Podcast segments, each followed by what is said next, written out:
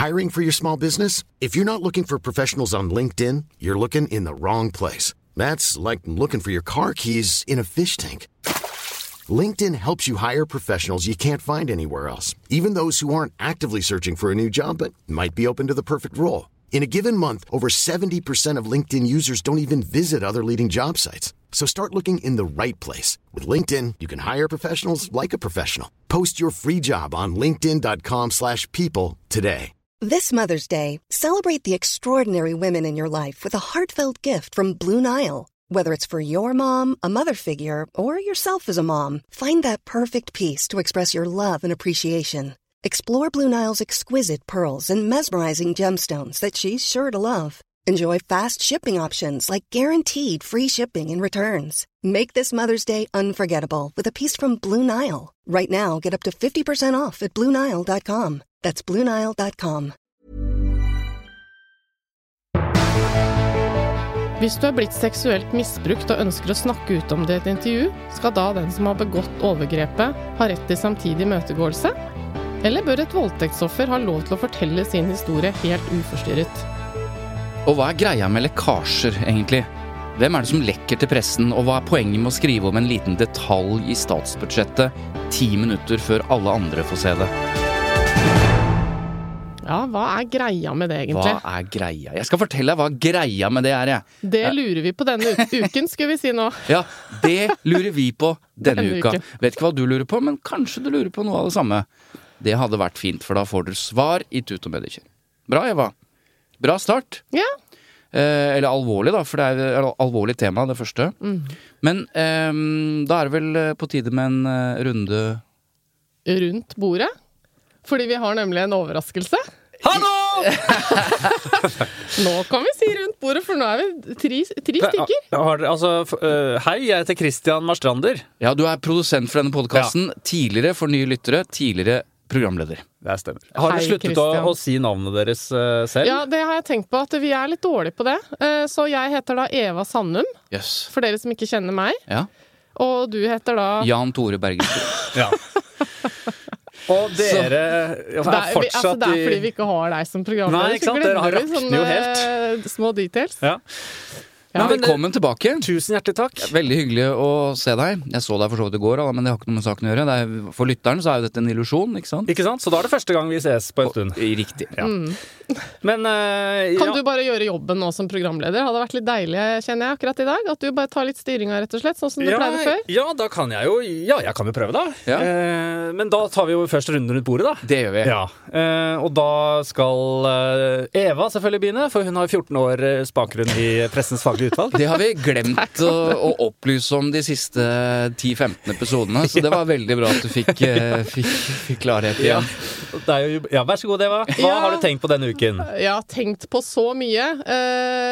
Én ting som jeg har tenkt på, er jo at kringkastingssjefen går av neste år. Det er sant. Før tida. Uh, og, ja, for han oh, ja, ja, kunne sitte lenge, men så har han bestemt seg for at uh, tiden er inne. Det er ikke noe vits å få inn en ny leder midt i flytteprosessen til eh, Ensjø? Hasle? Nei, hva heter det der? Ensjø? Ja. I Oslo. Ja, ikke sant? De skal jo nå flytte fra mitt nabolag, da, Marienlyst. Ja. Og så er det jo morsomt, fordi nå blir det jo en gjettelek med hvem som skal ta over. Ja, og er alle veit jo at det blir et stort krav om at det må være et kvinnemenneske. Jeg tør satse ei god flaske vin på at det blir en kvinne, ja. Har du eh, et ønske, Eva? Um, nei. Nei, ikke Måtte Jeg den vet beste hvem det blir. vinne. Jeg kan si det her og nå. Hvem det blir? Ja. Å, så gøy. Dere hører det først i Tut og Mediekjør. Ja. Den nye kringkastingssjefen heter da, da, da, Trine Eilertsen. Er det sant? Ja, jeg mener det. Ja. Eh, Og hvem er Trine? Trine Eilertsen er da eh, Tidligere gjest hos Tute Mønster. Ja, det Ja, er det er primært, det er primært derfor hun er kvalifisert. Ja.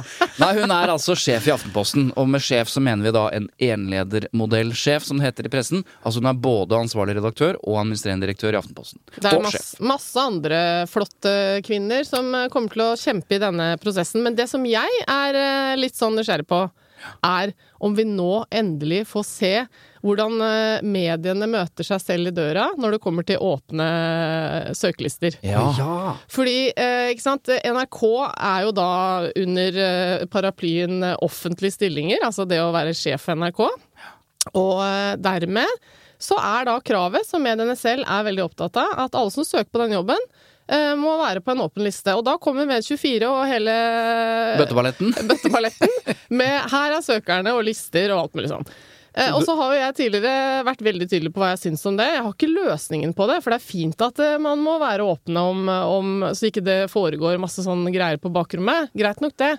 Men alle veit jo at la oss si Trine Eilertsen, da, eller en annen, skal stå på mandagsmøtet og skape superstemning i Aftenposten den dagen eh, hun står på den lista som søker av en jobb sammen med 20 andre. Ja. Hvordan føles det? Men, men dette er jo også en rekrutteringsprosess ikke sant, som styrer i NRK, med, med Birger Magnus, som er styreleder, som er en sånn Schibsted uh, tipp topp. Eh, de vil jo rekruttere eh, og kjøre en så ordentlig rekrutteringsprosess.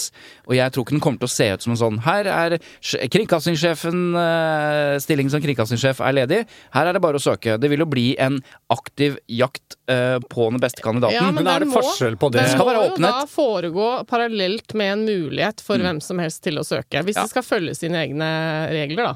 Men er det forskjell på det? Om, om at et styre Kan de kjøre en parallell eh, Nei, nei, det er ikke en parallell. Det er en del av hele prosessen. Ja, Du- du så kan- alt er åpent? Ø, Jobben er ledig snart, så det vil jo være mulig å søke. Og så vil de da, selvfølgelig som i alle andre rekrutteringsprosesser, så vil de forsøke å snakke med folk. Fint om du søker, fordi deg har vi tro på. Ja, men det som da må skje, er at alle må søke på like premisser, ikke sant? Mm. Og vurderes i den samme prosessen. Og så er det mulig å søke om unntak fra offentligheten. At du ikke står på den lista. Har, eh, at du har begrunnelser, og de kan være gode, for å ikke stå på en liste før du eventuelt får jobben eller er i nærheten av å få den. Nei, hva- Men hva, Og det får jo de fleste. Ja, de, OK, så det står Eh, egentlig så- bare unntak, unntak, unntak, en grunn kan være jeg kan ikke stå på den lista, fordi da kan jeg ikke være leder etterpå hvis jeg ikke får jobben, for eksempel. Eller jeg kan ikke stå på den lista, fordi da vil alle kundene jeg i dag jobber med, eh, lure på om jeg er på vei ut, og da mister jeg dem. Det er masse sånne gode grunner. la oss si da, Trine Eilertsen er én ting, det er hun som får jobben, da, men samme det. Men du må gjerne søke de andre òg. Men, men eh, la oss si Olav Sandnes, som er TV 2-sjef, hadde lyst på jobben som kringkastingssjef. Det, det er betent. Eh, Går jo fra det han har sagt at det er helt uaktuelt, men la oss si det var aktuelt. Da er det sånn ja, eh, så kommer du på jobb på TV 2. da, Det første du leser i Medie24, er at sjefen din, sjefen i TV 2 har søkt jobben i NRK. Jeg tror han kunne fått et eh, ok unntak eh, fra, Ja. Fra ikke- åpenheten, åpenhetskravet, da. Det kan for ikke være åpent, fordi min mann vet ikke at jeg søker. Nei, det kan være tilfellet, det. Det, det som ikke er en godkjent grunn, er jo sånn jeg kan ikke stå på den lista, for jeg syns det er flaut. Ja. Den er, den er For det er jo det, det, det mest ekte argumentet, egentlig, fra Ja, de fleste. flaut blir det jo først hvis du ikke får jobben, Ja, og men det jeg er enig. jo Alle. 99% av søkerne. Men Eva, siden du tok opp dette rundt bordet, betyr det at du ikke ønsker disse åpne listene? Eh, jeg har, jeg syns det er problematisk, fordi eh, en av grunnene er jo at eh, det, det fører til, potensielt, at eh, veldig mange gode søkere ikke søker offentlig, altså stillinger i det offentlige. Ja, Men de kan jo bare be om unntak, da. Så høres Ja, det ut men da er det jo det, det nye. Problemet at mm. det blir eh, urettferdig. Fordi alle, alle aktuelle søkere har alltid gode grunner, nesten, til å ikke stå på lista. Så da er det bare en haug av folk som blir eksponert. Eh, fordi det er jo det som skjer i noen medier, da. At det er sånn her er lista. Helt meningsløs journalistikk, etter min mening. Eh, her er lista, så alle kan bare grafse i hvem Ja. som har vært dumme nok Også- til å søke den jobben. Og så vet vi at det kommer masse morsomme søkere, for det er Ja, det ja. som er gøy med sånne toppstillinger, det, som er åpne og offentlige, og spesielt, ja, spesielt i offentlig, da. Så ser du at eh, eh, Arnstein Olsen fra Fredrikstad, eh, som da er eh, tømrer eller Nav eller hva Altså, det, søk, det er faktisk folk som legger inn en søknad som er så langt fra å få den jobben som du kan, da. Men det er litt underholdende, det, da. Hvis Det er jo litt jeg fint tror jeg- òg, på et vis. Ja, på et vis er det jo det. Jeg tror kanskje at det, Er ikke det en ve veldig bra sånn eh, markedsføring? Hvis du søker på den, så er det offentlig liste, og så kan du bare snike inn på en måte sånn eh, Christian Lyd Produksjoner Marstrander. Bare så du ser Du får litt sånn sånn uh, Ja. Lyd Produksjoner frem, da. Ja, du eller- tenker at det ville vært eh, veldig god reklame for for peil! Eller hvorfor i all verden har han søkt på? Er han helt ute? Og ja, Så så da er det negativt igjen. Ja, negativt. Ja, ja. Men du, apropos jobb. Ja. Hvis jeg kan få lov til å ta over denne runden som jeg aner eh, allerede er eh, ganske Men bare for at det er klart, er det, altså, skal jeg nå liksom drive dette fremover? Eller, for jeg er ute av trening, selvfølgelig. Som, ja, ja, som du hørte, her. så var det jeg som nå drev det fremover. Ja, okay. Ja, men da, da, Så- da lener jeg meg litt mer tilbake. Ja, eller du kan uh, komme litt får fram på utfordre. Altså, okay. Han må alltid utfordres, Ja, så tar han over showet. Sånn er det alltid. Apropos jobb! altså, vi har lest uh, i Dagbladet eh, at Venstre-lederen, altså Guri Melby, har fått ny jobb. Ja. Der står det. det, det- ja. Der står det. Har fått ny jobb.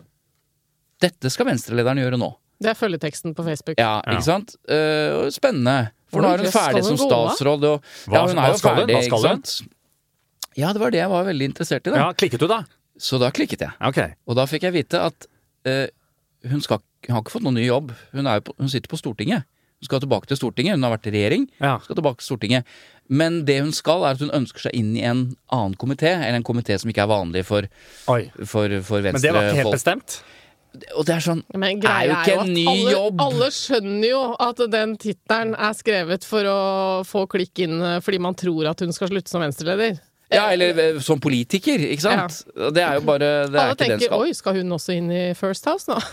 Men er det en grunn til at du ikke foreløpig har nevnt at dette var på Dagbladet? Jo, jeg sa det var på Dagbladet. Ja, du gjorde det, ja. Ja. Men du har må- en bitte liten VG-forside. Er det ikke min turrunde nå? Kan jeg bare få skyte inn? Nei, okay. Før runden er uh, avsluttet? Vi er virkelig ikke vant til å ha programleder, Eva, nå. Nei, Det altså, men vi. ta den nå kjapt. Vær Det så var god. 3, 2, 1. bare tidenes eh, mest komiske eh, dekning fra Hurdalssjøen. eh, når de står der og kjeder vettet av seg, journalistene. For det har jo ikke vært så mye info eh, fra innenfor dørene. Så har de da laget eh, en sak på VG. 'Livet på hotellet', og så er det 'Se hva Vedum har i bilen'. Ja, Og så er det men- en filmsnutt av gjennom vinduet på bilen til Vedum, for å liksom Hva har han inni der? Men det er dette liksom, det er er jo- journalistikk. Nei, men dette var jo humor, tror du ikke det? Var det det? Ja. Det vil jeg tenke. Nei, ja, ja, så jeg lo, jeg. Ja, Men jeg lo ikke eh, jeg og du lo klikket. Jeg syns det var var da. morsomt. Og du klikket. Nei, det gjorde jeg faktisk ikke. Å nei, så du lurer fortsatt på hva som var i bilen til Vedum? Det var Eh, ja, kjempegøy. eh, Det interesserer meg egentlig ikke. Du, du vil aldri tro hva som var i den bilen, altså. Så du burde klikke. Du, ja, eh, I og med at jeg mm, er på besøk her, så Ja. har jeg jo med en ting til Runde rundt bordet, da. Har det. Hvis dere Så lurer på hva jeg har tenkt på denne uka. Ja. Ja. Jeg har jo eh, fått med meg at eh, det er mange biografier som kommer ut nå. ja. Blant annet biografien om Marit Bjørgen, 'Vinnerhjerte'. Ja. Um, og, og, og den er da skrevet av journalist Ingrid Stenvold, som er programleder i Dagsrevyen på Ja, NRK. det er hun vi ser eh, på skjermen på NRK mye av. Mye. I tillegg så har jo, ikke så lenge siden, så har jo også denne boken om Camilla Stoltenberg eh, Ja. ble skrevet av Lilla Sølhusvik, I journalist i NRK, for Politisk kvarter på P2. De som eh, har den om morgenen. ja. Ja. Så mm, jeg begynte å tenke litt på sånn Er det ikke litt eh, problematisk at journalister som får egentlig disse store profilene i studio, og veldig i etterkant av disse bøkene også, plutselig skal lage biograf biografier om dem? Eh, vil ikke da på en måte dette mm, rokke litt ved den ideen om at eh, Lilla Sølhusvik er en nøytral journalist som ikke er for tett på sine kilder? Interessant spørsmål. Jeg syns det er veldig betimelige spørsmål. Ja. For fordi det kan oppstå utfordringer. Og la oss skille mellom eh, eh, det som er autoriserte biografier og uautoriserte biografier. Okay, hva? For forskjellen er at hvis du er en autorisert biografi, så er det jo et samarbeid mellom forfatter eh, og den som portretteres eller den som skrives om. Og da oppstår det for det første eh, Da er det et samarbeid hvor, hvor det er eh, Den som blir skrevet om, har jo alltid siste ordet. Ikke sant? Eh, om hva som skal med og ikke skal med. Og det oppstår et veldig tett forhold, dette vet jeg, for jeg har skrevet noen autoriserte bøker. Og da oppstår det Men ingen uautoriserte? Ingen uautoriserte har jeg skrevet. For det syns jeg er litt sånn rar greie. Men det Nei, kan vi ta og, og her er poenget. Skriver du en uautorisert biografi, som for eksempel den jeg kom på nå, Gunnar Stavrum, sjefredaktør i Nettavisen, og hans eh, tidligere kollega som jeg ikke kom på akkurat nå, men de skrev en uautorisert biografi om både Røkke Stokke, om Jon Fredriksen. Altså, eh, da skriver man med utgangspunkt i sitt journalistiske virke på mange måter. Mm, det blir bare en vel... frem. Ja, okay. og, ikke sant? Og, de, og, de, og, de, eh, og denne, spesielt denne Storulv-boka som skrev om Jon Fredriksen, der står det i boka at de ble forsøkt kjøpt. Ikke sant? Hvis dere dropper dette manuset her, så skal dere få penger.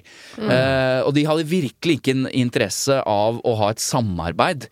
Eh, de ville gjerne intervjue hovedpersonen, men de, de sørget for at dette var et prosjekt som var uavhengig, og selvstendig, gravende osv. Ja, ja, det er veldig stor forskjell. For jeg har i utgangspunktet litt problemer på et menneskelig plan uh, med ideen om at noen skriver en bok om et menneske som ikke er Vil. med på det. Ja, men det er jo journalistikk, Men- ja, da, for du får jo det. Muligheten til å det uttale ja, deg. Når Ja. du ser det i det perspektivet, hvis du bare tenker at det er gravejournalistikk, på en måte, så Mm. blir det jo bare Du får bidra eller ikke. Jeg skal Ja. Ja. Men, men her har jo Her har de jo Dette er vel en autorisert, da? Det, det må vi ta utgangspunkt i, for de står jo sammen på lansering, og dette er autorisert. Og da, da er jeg for så vidt enig. Altså Når det gjelder Ingrid, Ja! Sten, når det gjelder Ingrid Stenvold, så var jo hun eh, programleder i Sporten. Altså Hun var jo, jo sports, var jo det hun begynte som i NRK. Nå er hun i Dagsrevyen. Så hvorvidt hun eh, kommer i mange situasjoner der hun skal intervjue Marit Bjørgen på Dagsrevyen etterpå, den, den Da må de ta en runde på det i redaksjonen. ja, og det er ikke så ofte man intervjuer eh, sportsprofiler direkte på Dagsrevyen. Det er jo ofte journalist, eller eh, sportsprofilene. Så, så hun kommer ikke i denne situasjonen så ofte. Lilla Søhusvik, litt, der er jeg litt mer usikker, for det, hun har jo for det første intervjuet Camilla Stoltenberg hundrevis av ganger i løpet av det siste halvannet året, Ja. og kommer nok til å gjøre det igjen. Og da bør man i hvert fall gå opp noen eh, linjer der, eh, fordi hun har jo åpenbart hatt et samarbeid Ja. med Camilla Stoltenberg om denne boka, og har en nærhet til den kilden som, er, eh, som bør i hvert fall opplyses om, da. Jeg vil jo forestille meg at det i en god stund framover da blir sånn at eh, hvis, på, hvis, eh, hvis hun skal være gjest på Politisk kvarter, så setter de på en annen programleder i den sendingen. Så setter de på en annen tro. låt, tror jeg du skulle si. Altså, Ja, sånn som som det ofte er, da. At Ja. eh, ikke sant eh, Eks-journalist eh, har relasjon til dette Men lokale bør da egentlig Lilla Sølvesvik da si sånn Og for øvrig, eh, før vi fortsetter å snakke, jeg har jo skrevet bok om deg. Ja, Eller det blir det for, uh, for teknisk? Nei, altså det er, de to, det er de to variantene dere nå er inne på som man må gjøre. Enten så må man la være å intervjue fordi det er for tett, eller så må man opplyse om det så folk kan vurdere det selv. Ok, hun har skrevet en bok om eh, Camilla Stoltenberg. eh, det driter jeg i, eh, så det er helt greit. Men åpenheten er jo viktig. Ja. Sånn gjelder det andre ting. Og så er det ting. ikke for evig tid, ikke sant. Om Nei, nei. 20 år så trenger ikke det å henge ved Om 20, ja, det gå 20 år fram i tida før, det er, eh, før Lilla Søsvik må, må inn igjen i studio. Lilla, da har det gått 30 år, du kan komme tilbake! Ok, nei, men fint. Ja, fint. Ja. Ja, Håper det bidrar til gruppa. Absolutt. ja, ja, ja, ja. Jeg syns det er koselig at de får muligheten til å gjøre noe annet innimellom enn å sitte og styre radioprogram om morgenen nå, så de må jo få lov å skrive boken i og ne. Ja, ja, Ja, og, og de fleste sakprosabøker, eh, eller veldig mange sakprosabøker, skrives jo nå av journalister. Det er jo de som har størst produksjon til- av det. Kan jo være man er flink til å skrive, rett og slett. Det kan rett og slett Sånn, hende. man har et bra blikk lest den boken. Spennende. Ja, spennende. Men da runder er runden rundt bordet. Da skal vi vel til sak én. Vær så god. Ja, og det er jo rett og slett Hva er greia med lekkasjer til pressen? Hvem lekker informasjon, og hvem har interesse av å lekke? Det lurer jeg på. Ja. Ja, for den siste uka har jo vært eh, veldig prega av såkalte lekkasjer, har den ikke det? Det har vært lekkasjer fra regjeringsplattformen, fra statsbudsjettet, og Ja. ikke minst fra liksom, navnet, hvem er det som blir statsråder, og alt det der. Og, og sånn, hvem, hvem har sagt ja og ikke? Også noen altså, det, det har også vært litt sånn eh, ring, Hvor mange har du ringt? Han, har vist, han, har vist, han sliter visst med å få inn kabalen. Ja, Altså, det har vært litt sånn, Mens eh, han har liksom hatt den klar i hodet sitt, og DN hadde onsdag kveld en eh, Eller tirsdag kveld, var det kanskje, liksom første sånn derre Her er de som er sikre. Ja. Eh, Sånn oversikt. Og det var bare Ap-politikere, da, så det er åpenbart at det er Ap som er kildene der. Ja, det altså, kan og La oss gå tilbake igjen til hvordan blir denne journalistikken til? Altså, Hvordan kan journalistene si at det blir Hadia Tajik som blir eh, arbeidsminister, det er eh, eh, Vedum, han har fått tatt Kommunaldepartementet, hvis det var det det var. Huitfeldt, utenriksminister. Ja, absolutt, og, og så er videre. Hvordan kan de vite det? Hvordan kan de vite det? Ja. Eva, Altså- fortell alt. Jeg har ikke peiling. Ok, Da går vi videre til neste sak. Nei, det er jo kildepleie, da. Ja. Ikke Ja, sant? Men, for det er det jeg lurer litt på. da. Er det eh, godt journalistisk håndverk at man finner faktisk frem til det? Og føler at det er så viktig for samfunnet at vi skal vite det, at de publiserer det? Eller er det bevisst fra Jonas Gahr Støre? Ja. Det er nok ikke fra, fra Støre. Men la oss dele opp i hvert fall lekkasjer, hvis vi bruker ordet lekkasjer, da. I hvert fall i to, to varianter. Det ene er styrte lekkasjer, som vi ser veldig ofte knyttet til statsbudsjettet som ble lagt fra nå. Da er det sånn at politikerne lekker til pressen om eh, kanskje gode nyheter eller viktige greier i eh, statsbudsjettet som ser bra ut, gir ekstra millioner ditten og datten, eh, som de gir til journalistene før statsbudsjettet legges fram. Ja, hvorfor gjør de det? Jo, av åpenbare grunner. De har lyst til at det skal bli en sak, og det blir det for journalister som får tak i ting før alle andre. De klarer ikke å dy seg. Samme Da- hva det er. Da, da må de skrive om det. Ja. eh, og grunnen er jo at hvis de ikke styrer, hvis politikerne ikke lekker dette, så blir kanskje den saken borte i Nettopp. statsbudsjettet når det legges fram, fordi da er det bare en liten sak av veldig mange større saker. For det er jo saker. lett å se for seg at uh, man føler at man har tapt litt for mange ting her. Ok, før den store saken kommer med selve statsbudsjettet, så vil f.eks. Vedum ha liksom innkassert at han fikk innfridd sitt valgløfte om at PR-folk, de skal forbys. Ja. Men, men ja, det var ikke statsbudsjett, men det var regjeringsplattformen. Ja, helt Men riktig. ikke sant, at, eh, da kan man jo se for seg at eh, ok, eh, om noen dager nå så blir det mye fokus på alt vi har tapt, så nå, nå lekker vi den ut. Sånn Men at tror det du han da har avtalt det da med eh, Arbeiderpartiet? At det er greit, nå lekker jeg den, for dere lekker den? Ja, Altså- Det er vanskelig å si. Han trenger ikke det. Altså, fordi Jonas Gahr Støre og Vedum vet jo heller ikke hvor uh, disse lekkasjene alltid kommer fra. Uh, noe kan være avtalt og styrt, uh, men det er jo litt sånn da at dette foregår på, også på lavere plan. Sånn at ikke du involverer For i det øyeblikket du involverer partilederne i dette her, så kan jo de være nærmest moralsk forpliktet til å si nei, vi skal ikke gjøre det, vi skal ikke lekke det. Men vi forteller ikke han om det, fordi han kommer til å like det. Eh, altså Vedum. At vi gjør det. Men hm, Sånn at lekkasjer foregår på veldig mange plan, også de styrte. Men så er det den andre type lekkasjer. Det er den de ikke vil ha ut. Altså politikerne? Altså Politikerne opplever å lese ting om det de holder på med, som de lurer på, Da må de ha møte dagen etter. Hvem i Vet du, har eh, lekket dette her. Det er stor krise. Dette må ikke lekkes. ikke sant? Og da har du annen type lekkasjer som, eh, som ikke er styrt og ikke er ønsket. Det er i hvert fall to forskjellige typer, da. Og er det en hånd opp, Eva, eller er Ja, du men nå har jeg eh, glemt det, for jeg, ja. fikk, ikke- Nei, jeg kom ikke til. Nei, ok. Det er, sånn er det. si, det er men eh, lovløst. det forsvant. Ja. Nei, men jeg bare lurer på, er det, hva er da grunnen til at én en rundt eh, bordet eh, i en regjeringsforhandling ønsker å lekke en sak? Altså gå liksom under bordet for gruppa? Hvorfor, hvorfor skulle det være et mo Ja, motiv kan- for det? Nei, det kan jo være eh, Altså, de lekkasjene som, eh, som la oss si partiet ikke ønsker, de kan jo komme også av minst to grunner. At det er eh, noen utro tjenere, illojale, eller kan pågå en maktkamp hvor noen i partiet har interesse av å få fram noe for å fremheve seg selv, eh, osv. Men veldig, mange, veldig mye av de, den informasjonen som tilflytter journalister som jobber med politikk, da, det kommer jo uten at de som gir informasjon, er klar over at de gir informasjonen. Altså på den måten at de sitter og snakker med kilder, bakgrunnssamtaler, og så har journalisten et bilde av hele saken. Og så sitter man med én kilde som gir informasjon som kilden tenker dette er jo ikke så hemmelig, eller dette kan jeg si. Men den informasjonen sammen med informasjon A, B, C, D, E utgjør en story som er ganske viktig. Og på den måten så, så vil veldig mange eh, kilder gi informasjon eh, som setter sammen et eh, viktig bilde til en sak som de egentlig ikke er klar over at de er en del av, nærmest. Ja. Så dette er jo godt kildearbeid hvis det skjer på den måten. Men det er en siste ting, og det er at pressen må jo ta Må jo vurdere Skal vi lage sak på denne lekkasjen? Ja, for Blir vi nå ja. brukt? Hvorfor Eller- velger journalisten å skrive om de sakene som, Ja. som er bevisst fra kildene, da? Uh... For det er en vinn-vinn ja. i For de da kommer, de, da kommer journalisten først ut med eh, noe, eh, og de får den saken. Ja, så det er jo Og så må de et herlig det- samarbeid, da. Ja, så må de veie det opp mot uh, Ja, det er åpenbart at denne lekkes for at vi skal skrive om det, sånn, at, sånn og sånn, men det er en nyhet.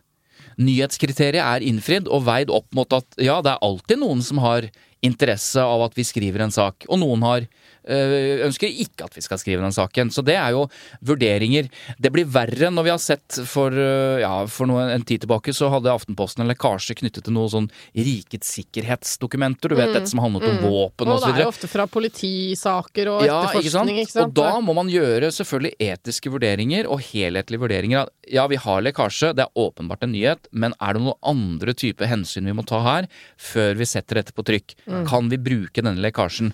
Det er jo en vurdering pressen må gjøre. Så det er vel ganske vanskelig, Fordi, dette det spillet spillet med lekkasjer og dokumenter og ja. Ja, det er også viktig å vite at det er ikke alltid lekkasjen kommer fra det stedet hvor man skulle tro. Vi har snakka en del om politilekkasjer i etterforskning og sånn, og jeg har vært litt sånn sur på det. Ja, at det hvorfor driver politiet med det? Og det må jo rettes opp at det er jo ikke alltid politiet som lekker. Ikke sant? Det kan jo være advokatene fra en av partene, den type ting, eller eh, parter i saken som får tilgang til dokumenter. Bare så det er sagt, da. Ja, Men- vi, har, vi, har en fast, vi har en fast lytter som er, har jobbet mange mange år som krimjournalist, og han forer av og til med noen sånn Ja, han «Æ, æ, æ». påpekte det, at Sånn, eh, vi hadde vært litt unøyaktige der. Han sa til og med at i min lange karriere som krimjournalist så tror jeg, tror jeg nesten aldri har opplevd at politiet har lekket. All informasjon jeg har fått, har jeg fått fra advokater. Oi, oi. Som har Det er, jo- da er det veldig, ikke sant, interesse, ja. Men da lurer jeg på, hvis jeg da som journalist får da en ganske sånn heftig lekkasje mot, på mitt bord, jeg blir gira, eh, fordi her er det en stor sak, og så er jo dette da informasjon som egentlig da ingen vet noe om.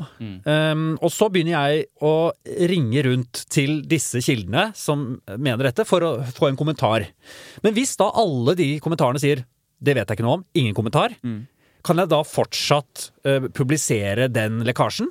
Ja, det, det, Du må jo vurdere sannhetsgehalten. og du må du, For det første må du vurdere kildejournalistikken din. Er det én kilde på dette? Og i så fall, hvor sterk er den kilden? Ja. Ikke sant? Er det noe han mener og har sagt, eller har jeg dokumentasjon på det? Har jeg en muntlig kilde og en skriftlig kilde, så kan det holde for å, for å lekke den saken. Men uh, det er jo en vurdering journalisten må gjøre hele tiden.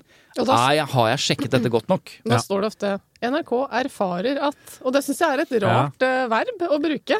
Det, det, det, Ja, Vi erfarer hva, hva hva betyr det, da? liksom, betyr jeg det syns det er så rart ord. ja men, men det er veldig interessant. For hvorfor, hvorfor skriver de ikke 'NRK vet at'? Eller tror med ganske Har- stor sikkerhet at. Eller som Harald Stanghelle, eh, tidligere kommentator i Aftenposten, skrev, eh, 'gode ubekreftede rykter'. Ja. ja. Eh, nei, altså det, det, er en, det er en god grunn til at man bruker ordet 'erfarer'. Fordi de gangene man skriver 'vet', så må man være helt sikker. Mm.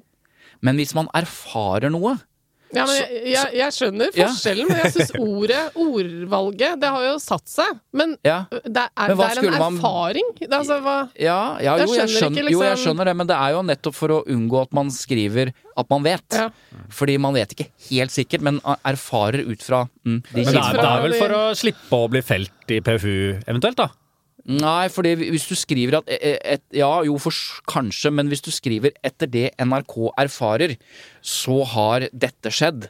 Og hvis du men de har jo ikke erfart det. Nei, Ja, men de har jo hørt på noen som har sagt det, og da kan man vel erfare det. Ja, Jeg syns ikke den er så komplisert. nei men du, du blir jo felt i Pressens fagutvalg hvis, hvis det du erfarer og det du publiserer Vi erfarer at uh, Camilla Stoltenberg uh, har- går av, uh, har gått av som, som leder av eh, FHI. Eller hva det var. Det er gøy da hvis den kommentaren Nei, du blir den, nok ikke felt hvis du har tatt det forbeholdet. Eh, hvis du erfarer det og melder det, Ja, Da er det jo feil. Det veldig avhengig av hvordan Du det feil, blir jo feil på 3-2 da, på, på, på at du ikke har eh, facts in order. Ja, men nå erfarer jo masse medier at den og den blir statsråd og sånn, men det, alle skjønner at det legges fram med forbehold, fordi det bare er at de erfarer at det Ja, det er faktisk sant. Du, det er en vurdering der. Men du, uten sammenligning for øvrig, så registrerte jeg også at Det er også et veldig rart begrep. Uten sammenligning for øvrig. Hva mener man egentlig når man sier det? Mener man egentlig det motsatte? At la oss sammenligne to ting. Så ta et lite forbehold. Uten sammenligning for øvrig. ja, Det er for å liksom ikke dra for, for tett parallell mellom de to Det tingene. det er feigt, rett og Ja. slett. Kom igjen. Det, i hvert fall at det er helt tydelig ja, Skal du si noe enda mer? Det er jo helt tydelig at dere har jo rakn... Dere er jo fullstendig inne i bobla her, på erfarer her. Ja. Eh, Men hva, skulle du ha en siste ting, for vi må jo videre til Ja, sak vi må det. Men jeg hadde tenkt å spille inn, da, for ikke bare snakke om eh, politikk, at det, det er jo litt snakk om lekkasjer i, i, i fotballverden også. Jeg har kost meg veldig med landslaget i det siste. Ja. Og det var noen lekkasjer før landskampen mellom Norge og Tyrkia også. Da hadde TV 2 eh, liksom eh, plutselig lagoppstillingen klar lenge før eh, det egentlig skulle være klart osv. For det er også litt sånn greie at det, laget må ikke blowes eh, før det Nei, må, nei. fordi da kan motstanderen eh, ikke sant, eh, posisjonere spilleren, holdt jeg på å si. Det samme er jo med- Nå hører Er jeg du jo selv at fotballtrener, eller? Men det samme er det jo med regjeringskabalen også. Man kan jo ikke vite det for tidlig. Da kan jo de andre land posisjonere seg i forhold til regjeringsmedlemmene. Så, Å, dæven døtte! Anniken Huitfeldt blir utenriksminister! Da må vi sette på en ny utenriksminister! Alarm i USA! Ja, det er, det er et godt poeng, Kristian. Da må vi ha takk, en som er bedre takk. i duell eh, mot uh, Huitfeldt. Ja. Men jeg la merke til det at hele lagoppstillingen Mm. eh, kom på TV2 på Twitter-kontoen til han Jesper eh, Mathisen Ja, uh, lenge før. Og det er nok ikke i Ståle Solbakkens uh, interesse, Nei, så for å der si det også lekkasjer. Er det riktig da av uh, Mathisen å legge ut hele lagoppstillingen? Ja, er det det? Det spørs om han vil eh, landslaget eh, det beste eller ikke. Det er jo en blank nyhet, også når vi får vite hvem som skal spille for Norge.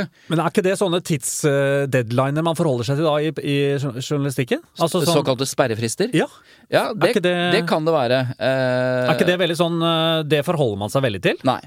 Er det bare tull, det? Det er ikke bare tull, men eh, for det første, journalistene hater det. eh, og du har ikke noe, det er ikke noe forpliktelse. For skal du ah, Hvis du får en, en nyhet, og så står det 'sperrefisk klokka ti i morgen', Ja. Det har jo ikke du inngått noe avtale om. Nei. Nei må, avtalen må være der for at en avtale skal gjelde. Altså, begge parter har må, måttet bli enige om den. Ja. Ja, for eksempel hvis vi, vi hadde en, eh, en sak her Eva og jeg eh, jobber jo med, med saker og, og kommunikasjon og journalister osv. Og, så videre, og da kan vi avtale med en journalist, en avis, at eh, er dere interessert i dette? Og hvis dere er interessert, så kan dere skrive om dette, men da må vi ha en avtale om at det ikke kan gå før klokka ni da, eller hva det måtte være. For det kan være børssensitive grunner grunner andre eller Og da gjør vi en avtale om det.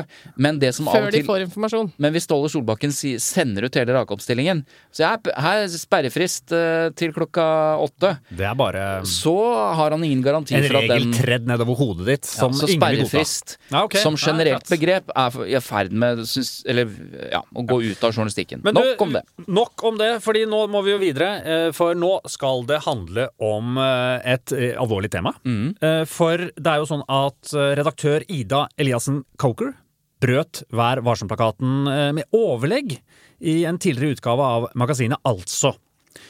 Hun mener at plakaten, altså Vær varsom-plakaten, burde revideres for å beskytte voldtektsofre. Altså at man skal kunne fortelle sin historie som voldtektsoffer uten at redaksjonen skal kreve at den du omtaler, altså den som eventuelt har gjort dette, må kontaktes for samtidig imøtegåelse.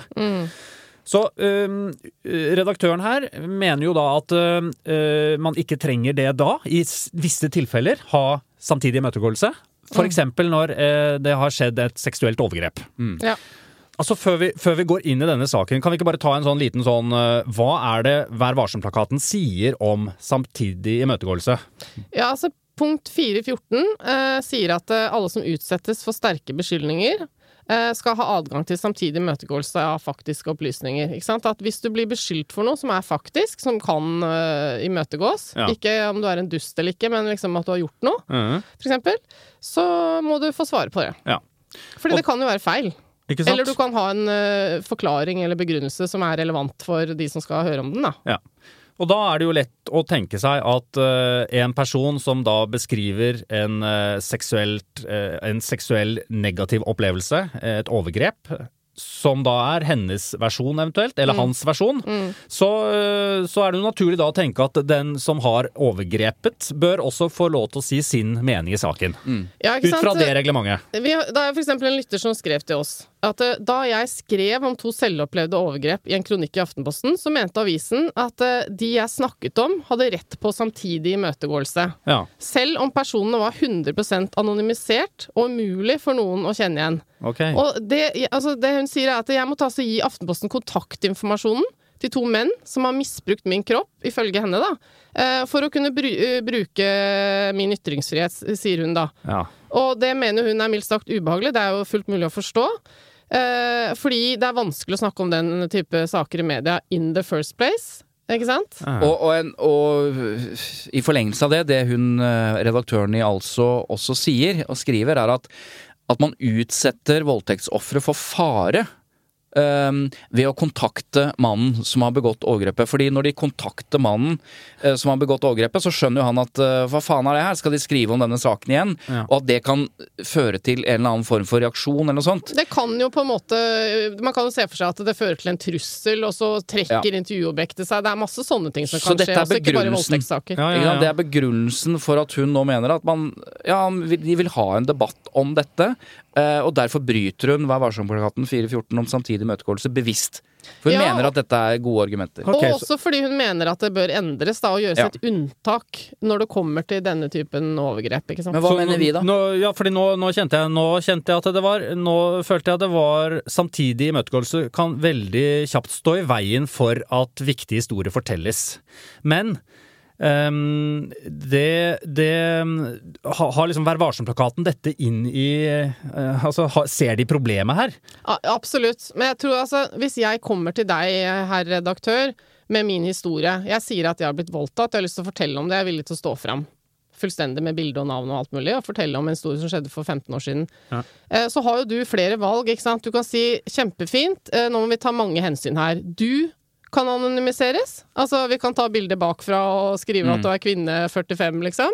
Eh, Da er det so, no problem. Da trenger man ikke samtidig møtegåelse. Da kan du så å si si hva som helst, for ingen vet hvem det er snakk om her. Vi bare forteller en historie som vi forteller leserne våre at er sann, men de vet ikke hvem det er snakk om. Eller så kan du få lov å stå frem hos oss, eh, kjære Eva, med bilde og navn og alt mulig. Men da vil jo veldig mange eh, potensielt forstå hvem du snakker om. Fordi du har en hel eh, familie, venner, masse folk som vet hvem du har vært sammen med. Hvis jeg snakker om noe som har skjedd i et forhold, da. Mm. Eller noe som skjedde da jeg var ung, som veldig mange da visste om. Det, det vil være mange muligheter for at de menneskene jeg snakker om, blir identifisert indirekte, selv om ikke de er navngitt.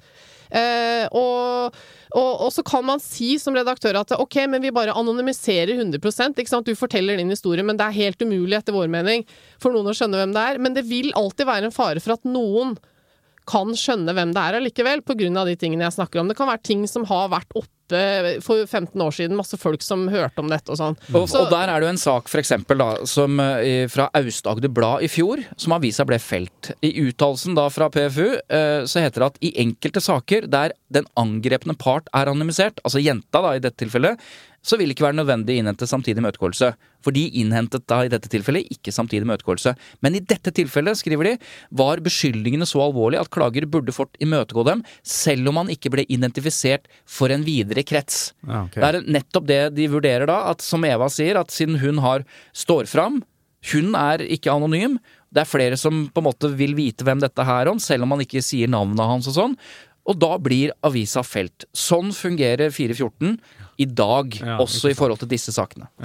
Og hva tenker dere bør uh, Vær varsom-plakaten endres? Nei, jeg mener ikke det. Nei, jeg mener heller ikke det. Eh, fordi eh, det er jo et veldig bra poeng at hvis man skal endre for dette, så er det potensielt mange andre som vil rekke opp hånda og si ja, men hva med dette, hva med dette? Ikke sant? Hvilken eh, sak er alvorlig nok til at den skal eh, tillate et unntak fra varselplakaten, da? Ja, la oss si det er en ren voldsepisode, Mm. eller voldshendelse, som ikke har noe med voldtekt å gjøre. Altså, hvor, hvor skal man sette grensen da? Og så tenker jeg også at den argumentasjonen om å, at man utsetter et voldtektsoffer for fare ved å ta kontakt med mannen Altså, den skal jo på trykk, denne saken. Og i det øyeblikket man har eh, en jente som står fram i magasinet Altså og forteller om dette, så vil jo mannen som har voldtatt henne, vite at det er han det er snakk om. Og da vil jo på en måte utsette for Så de, jeg syns eh, Jeg er enig med Redaktørforeningen som også påpeker det, at akkurat den argumentasjonen, den henger ikke helt sammen. Fordi hele poenget er at dette skal bli offentlig.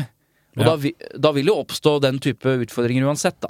Men så, Ikke så- bare ved innhentingen av en eventuell samtidig møtekort. Så, så den lytteren da som uh, sendte inn, var, vil jo da på en måte, selv om hun opplevde det ubehagelig, at avisen tok kontakt med Mm. denne personen for å få det, så er det riktig, og det er sånn det bør være.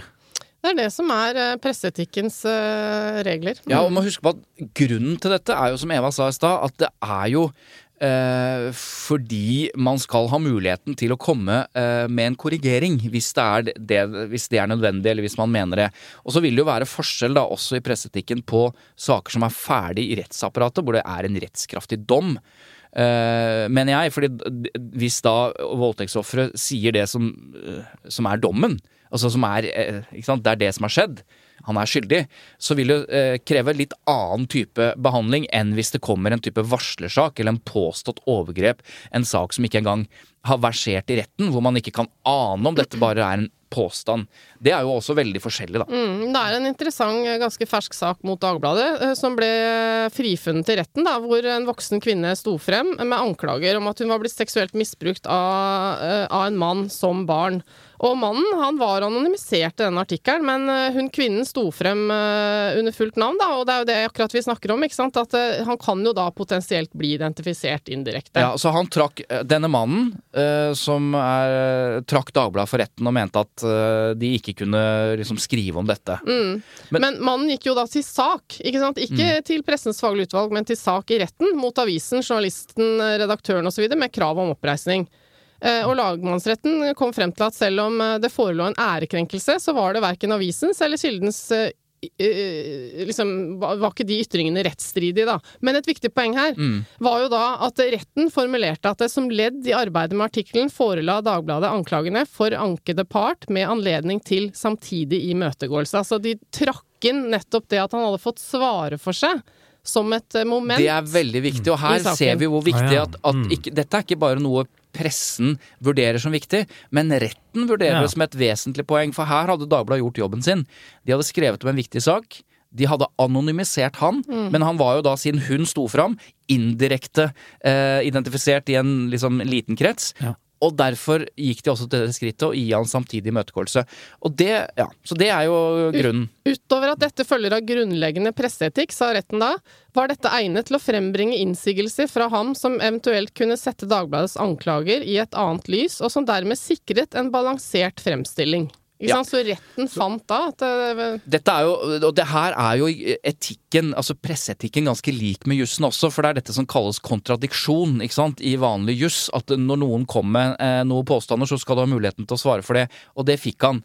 Men han har anket igjen, og jeg tror han har anket til Høyesterett. Det ble vel eh, avgjort eh, denne uka eller noe sånt, at eh, Høyesterett har forkasta den anken. ja. Så, så, det, så hvis jeg hadde Hvis jeg hører på en, en person som mener at jeg har overgrepet uh, Begått et- overgrep. Begått overgrep. Ja. Et stykk overgrep. Mm. Uh, så, um, og jeg ikke selvfølgelig ønsker noe, noen som helst om den saken i eh, offentligheten, Mm. Ja. i pressen, så um, Og du ikke har blitt kontaktet? Ja. Mm.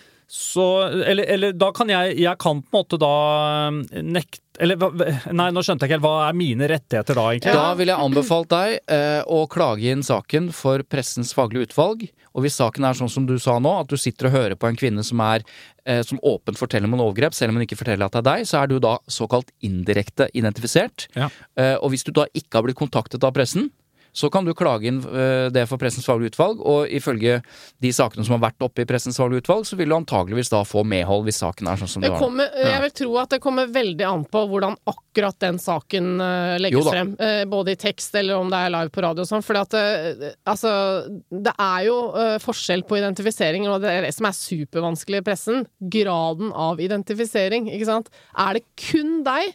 Eh, fordi det ikke fortelles om hvor, eh, når, eh, noen ting. Eller er det sånn at ikke sant, det, kommer frem detaljer Ja, her som de nå- som setter sammen et Helt puslespill kan Men du sa jo nå, Kristian, at hvis du sitter og hører på radio, Ja, at noen forteller om et overgrep, og Ja. du skjønner at Men dette er jo det som Dette, hun snakker om meg. Ja. Ja, men, ikke sant? men det var den voldtekten som skjedde i skogen. Ingen var vitner, det er bare jeg som vet det. Det er litt annerledes enn at det var den saken som hele ungdomsskolen snakket om. eh, Eller altså ja. Men for meg er jo ikke det så viktig. Nei. For jeg får ikke fortalt min versjon av det som skjedde. Hun, så, så, men det, er, det du sier, er det, det er det er viktig om jeg blir felt, om, eh, om jeg har en Ja. sak i PFU eller ikke. Ja, det, alle disse momentene vil i hvert fall vurderes. Da. Det er liksom farlig å sitte her og si at eh, hvis du kjenner deg igjen i en eller annen anklage, og du ikke har fått svaret og du klager, så vil du få medhold. For det er veldig mange detaljer her som vil spille inn, da. Men eh, poenget mitt var i hvert fall at det Pressens faglige utvalgs tidligere saker om dette Ja. viser, er Mm. at er du indirekte uh, identifisert, som du nesten alltid vil være, hvis det som er offeret, står frem. Hvis offeret står frem og forteller om en sak, og det ikke er første gangen hun noensinne forteller dette til noe menneske, så vil det være flere som vet om dette, og da er du indirekte identifisert i den kretsen som har visst om dette på et eller annet vis, da. Det er det som må Ja, være vurderingen. Og hvis Men man du- løfter dette litt opp, da, og så kan man altså tenke seg at hvis man skulle gi helt frislipp på dette, så kunne jo potensielt jeg som kvinne da bare gått til redaksjoner og liksom Jeg har en historie jeg vil fortelle. Det og det har skjedd. Ja. Bare, jeg har blitt Bare voldtatt mange ganger. Altså, Få oppmerksomhet. ja, eller for å liksom overdrive noe, lage en sak. Jeg vet ikke, altså, det er jo en rar ting å gjøre, da, men potensielt så vil jo en avis eh, ha lyst til å kunne prøve å kontrollere enhver historie. For at samtidig imøtegåelse handler også veldig ofte om faktasjekk. Punkt 3-2 i Hva var som Ja, så det henger ofte sammen at når du ringer noen for å, for å få en imøtegåelse her, så er det også en indirekte faktasjekk, ikke sant. Og da kan jo potensielt, eh, når du blir oppringt da, som eh, påstått overgriper, så er det interessant å høre hva du har å si. Det er ikke sikkert at du kan si 'jeg nekter dere å skrive om dette'. Men Mm. du kan jo si eh, dette, altså, dette stemmer ikke. Men, men, men la oss løfte det litt opp, da, og litt til høyre. Ja. Og ørlite grann nordøst. Da lurer jeg på, hva da med sånne altså, filmer basert på en sann historie? Hvor du har på en måte ganske sånn Du har gjennomintervjuet folk, for eksempel Exit, da. Gjennomintervjuet folk og nesten baserer et helt manus på ekte mennesker. Er det da egentlig et behov for imøtegåelse? Nei. Nei, Nei, for det er drama. Ja, og, men det, her er det Det er helt riktig, men her er det et potensielt ganske interessant etisk felt. Og dette er jo noe av grunnen til at flere har bedt om at bøker, eksempel, eller annen type fortellende kunst, må rammes inn av et eller annet eh, etisk regelverk. Ja. Eh, både fordi det er en hårfin balanse av og til mellom fiksjon og virkelighet, altså såkalt virkelighetslitteratur, hvor det er åpenbart at uh, Vigdis Hjorth skriver om Ja, faren sin eller Ja. familien eller hva det måtte være. Og så har du de eh, sakene hvor det faktisk er sakprosabøker eller dokumentarbøker. Husk på det at det er veldig rart at en journalist kan skrive en artikkelserie i eh, VG og må forholde seg liksom helt til Vær varsom-plakaten. Så kan han skrive den samme historien, bare, bare enda mer, Ja, i bokform, og han er fritatt Ja. for presseetikk. Det er jo Det er noe som ikke stemmer helt av. Ja, øh, Men, men, det er ikke en del av pressen, det er en del av litteraturen. Så det, det er i hvert fall ikke underlagt Vær varsom-plakaten. Så har diskusjonen vært om det bør være tilsvarende regelverk for sakprosa, som også forholder seg til virkeligheten. Men så har vi jo nå øh, referert til en øh, fellelse i retten eh, som argumenterer omtrent som presseetikken. Så det er jo ikke sånn at, eh, at du kan komme unna med å skrive en bok full av feil eller eh, uten at du har kontakt og sånn. For da kan man gå nettopp til søksmål mot forlaget og mot forfatteren, Ja. og kan eh, potensielt vinne fram fordi de argumenterer med kontradiksjon og samtidig imøtegåelse, de også. Vi har jo sett debatten om Marte Michelet sin bok eh, som har gått og sånn, ikke sant. Og det handler jo om påståtte faktafeil. Så det kommer Hvilken bok var det igjen? Eh, flukten Altså Hjemmefrontboka, hvor mye. Hjemmefronten gjorde for å forhindre jødeforfølgelsen. Stemmer, stemmer. Dere? Ja. Vi må jo begynne å avrunde nå, denne episoden. Um, og, men vi pleier jo vel Jeg vet ikke, Har, har dere fortsatt med det? Har dere lytterspørsmål fortsatt? Ja, vi, har, vi ja. har jo fått et lyttespørsmål Eller det er mange som lurer på om vi skal snakke om dette med Lars Vilks død, men jeg har bare lyst til å stille dere et spørsmål da, rundt det. Ja. Altså, uh, Lars Vilks, altså ja. han Så nå- kunstneren som ble Som, som døde. Nylig så døde den svenske kunstneren og karikaturtegneren Lars Vilks. Ja. Han døde i en uh, trafikkulykke, uh, tragisk nok. Han var 75 år gammel, tror jeg. Men, eh, men eh, Kjent for kjent for en karikaturtegning. eh, Av profeten Mohammed. Altså, det siste tiåret av hans liv så levde han med politibeskyttelse døgnet rundt av denne tegningen da, av profeten Mohammed, som eh, var en såkalt rundkjøringshund, altså en rondellhund, som er en sånn greie som oppsto i Sverige på et tidspunkt, hvor de satte opp masse skulpturer av hunder i rundkjøringer. Ja.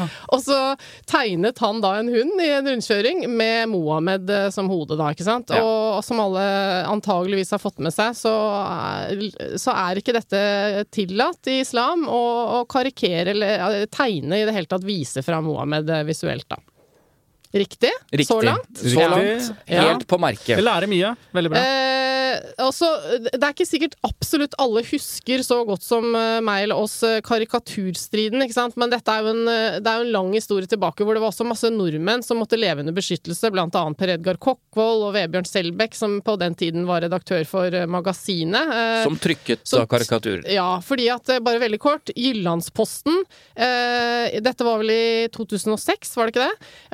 Trykket masse karikaturer av Mohammed som eh, en slags, eh, veldig kort oppsummert, en slags protest fordi at det, det var et barnebokprosjekt i Danmark som ville ha masse tegnere til å tegne Mohammed. Ingen ville. Eh, Og dermed så satte Jyllandsposten i gang eh, en runde hvor de fikk inn en del karikaturer, trykket dem, og så blei det, jeg håper å si, krig. Ja, det blei satt fyr på hele verden, og det gikk utover dansker og Ja. norsker og Og- ambassader og det hele tatt. Og veldig enkelt oppsummert, alle som trykket karikaturer av profeten Mohammed eh, Eller tegnet. Ja, ikke sant? Mm. Både de som tegnet dem, og de som satt dem på trykk av eh, aviser, ja. Eh, måtte, le måtte leve med en, en trussel, da. Og spørsmålet mitt er egentlig bare har terroren virka? Ikke sant? Fordi at det, det som har skjedd nå, er at eh, vi har to nobelprisvinnere som, eh, som har fått Nobel, eh, Nobels fredspris fordi de driver undersøkende journalistikk og setter seg selv i fare for å, for å sette søkelys på ting som ikke er greit. Og det hyller vi jo selvfølgelig. Uh, og så er det en annen greie, som er at uh, journalister og tegnere og, og publikasjoner som trykker en tegning sant, av profeten Mohammed, er også truet. Eh, derfor så gjør de det ikke. Det er vel det som er litt interessant her. At nå, når Lars Wilks er død, som levde under politibeskyttelse, så har de færreste mediene faktisk trykket denne tegningen. Og det er etter min mening veldig forståelig. Altså, hvorfor skal jeg som redaktør utsette meg selv og alle mine ansatte for en livsfare hvis jeg trykker en liten tegning? Hvorfor det? Altså, hva avdekker det, kan man jo si da. Ikke sant? Dette er jo ikke avsløringer av en president som har gjort masse feil. Det er jo bare Men ja. trenger dette å være så negativt, egentlig? Altså, kan, ikke, kan man ikke heller se på det også som at eh, Kanskje har man lært også litt mer i forhold til å respektere hverandres syn, hverandres religioner? Ja, jeg syns det er mange interessante ting med det. Det kan man si, men eh, svaret mitt om terroren har virka, hvis man ser terror er altså da angrepet på eh, de som har tegnet dette, så vil jeg si ja. For når ansvarlig redaktør i Aftenposten, Trine Eilertsen, må ringe eller føler behov for å ringe politiet og informere politiet i Norge at nå kommer vi til å trykke en såkalt faksimile av den tegningen som Lars Wilks Altså tegnet. bilde av bilde, på en måte. Bilde av Ja. bilde, fordi vi skal omtale Lars Wilks død. Vi skal omtale hvorfor han var under politibeskyttelse. Da er det relevant rent nyhetsmessig å vise til den tegningen, og dermed vise den tegningen. Men hun, hun ringer da politiet for å informere om det, fordi hun vet at det potensielt kan føre til trusler og øh, faenskap. Og det er klart, da virker jo terroren. Da er vi jo Da gjør vi jo noe Da, da begår vi jo, eller foretar oss noe som vi øh, ikke burde trenge i ytringsfriheten og pressefrihetens navn. Og så er det andre redaktører som klokelig sier at vi må være pragmatiske i forhold til dette. Altså, Vi setter jo ikke tegninger på trykk for å provosere, men er det relevant, så må vi vurdere hvor viktig er det strengt tatt å, øh, å trykke faksimilen opp mot det som eventuelt kan skje. Det er en pragmatisk holdning, ikke prinsipiell, og det kan man forstå, men, jeg, men det er jo problematisk. Ja, ja, Det er problematisk, og, og eh, egentlig grunnen til at jeg tar det opp i denne podkasten, er mer det at eh, Din egen, for så vidt. ja, er jo mer det at eh, jeg syns ikke jeg har sett så veldig gode redegjørelser. Det har vært noe her og der i en podkast, en kommentar fra Trine Eilertsen og sånn som forklarer det, og det er fint, men, men eh, jeg syns bare det mangler sånn, et resonnement som gjør at vi blir tatt med i dette her. For det er jo egentlig et ganske stort problem at eh, pressen da eh, lar seg kue, kanskje forståelig, eh, av noen religiøse normer og regler. Og så, bare unnlater de å trykke den tegningen, men det kommer ikke så mye forklaringer. Og er, er, er, hadde vi ikke vært tjent med at de diskuterte dette litt, at terroren har faktisk virka? Altså nå sitter vi her, og det er, det er veldig nyhetsrelevant å trykke en tegning for å forklare alle hva dette handler om. Ja, Men, men der er jo ikke alle altså enige, da. At det er så veldig relevant. Det er vel der det ligger. Altså, Ja. Hva er relevant?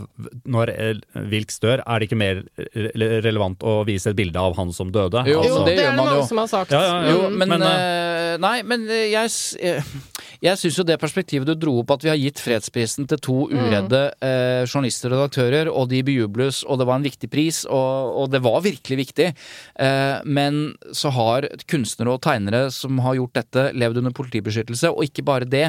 La, Lars Wilks har jo eh, vært en slags sånn om ikke persona non grata, så har han virkelig, virkelig vært liksom utstøtt fra det, fra det svenske Ja. eh, liksom, Ingen ville et- ha ham han på kulturelle utstilling. Nei. Ikke sant? det, det hadde vært litt artig sånn eh, hvis man hadde hatt bilde av eh, ved siden av Lars Wilks eh, tegner som et eksempel, her er et landskapsmaleri han ja. tok, malte som 14-åring. Han har gjort en ganske kul installasjon i Sverige med masse drivved som har blitt et eget land og, osv. så videre. Altså, han har gjort andre ting, og det er kult det at det blir omtalt, da. Ja. Men altså, mye av grunnen til at han er en kon eller har- vært en kontroversiell person i det siste, er jo dette som skjedde. Ja, ja, ja, ikke sant? ja, ja. Og da er det jo relevant eh, Jeg, jeg, det jeg ser den veldig. Jeg tror oppfordringen eh, fra Tut eh, må være, at, eh, må være at eh, vi må stå opp for eh, friheten, enten det er ytringsfriheten, pressefriheten eller kunstneriske friheten.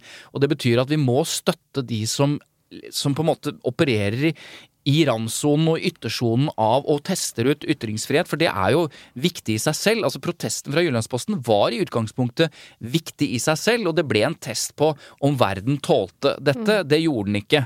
Men det er viktig at vi liksom ikke vender ryggen til de som eh, som har det som oppgave og som prosjekt, og ikke bare eh, bejubler de som gjør liksom, det helt åpenbart riktige, driver kritisk og underjournalistikk i, i, i, eh, ja, Ja, i og- miljøer hvor det ikke er bra, da. Og med det så mener jo ikke vi, og i hvert fall ikke jeg, at eh, løsningen er å trykke karikaturer med Mohammed bare for å provosere muslimer. Absolutt ikke. Ikke sant? Og det er det vel eh, nesten ingen som Ja, lenger. jeg tror nok kanskje noen vil Ja. mene at det er uh, interessant i seg selv, men uh, poenget mitt er mer det at uh, skriv om det, snakk om det.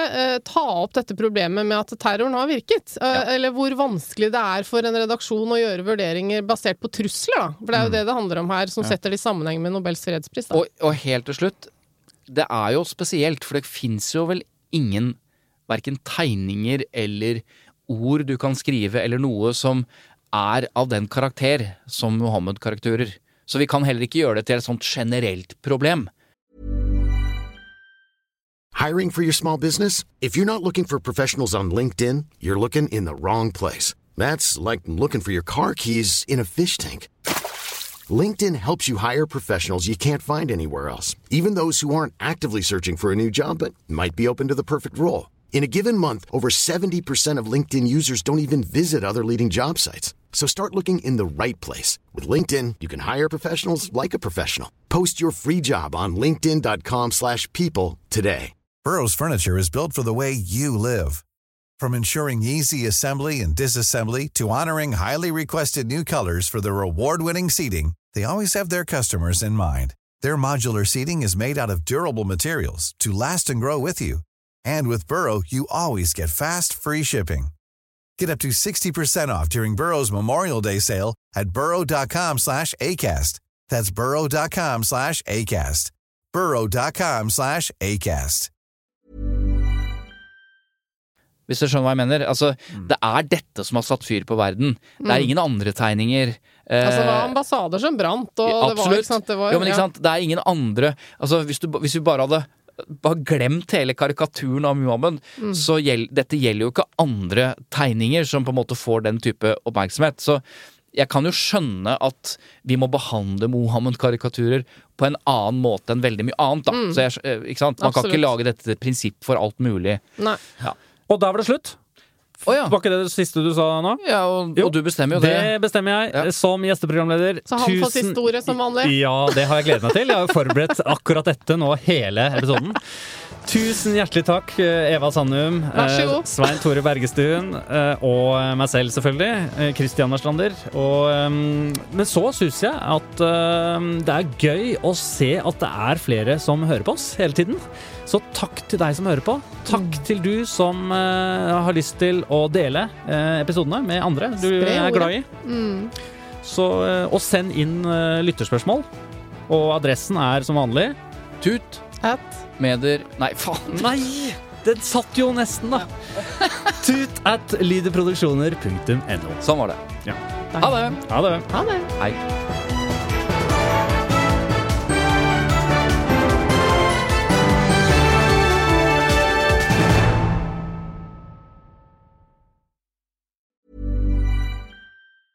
A lot can happen in three years, like a chatbot may be your new best friend. But what won't change? Needing health insurance. United Healthcare Tri Term Medical Plans, underwritten by Golden Rule Insurance Company, offer flexible, budget friendly coverage that lasts nearly three years in some states. Learn more at uh1.com. Hey, it's Danny Pellegrino from Everything Iconic.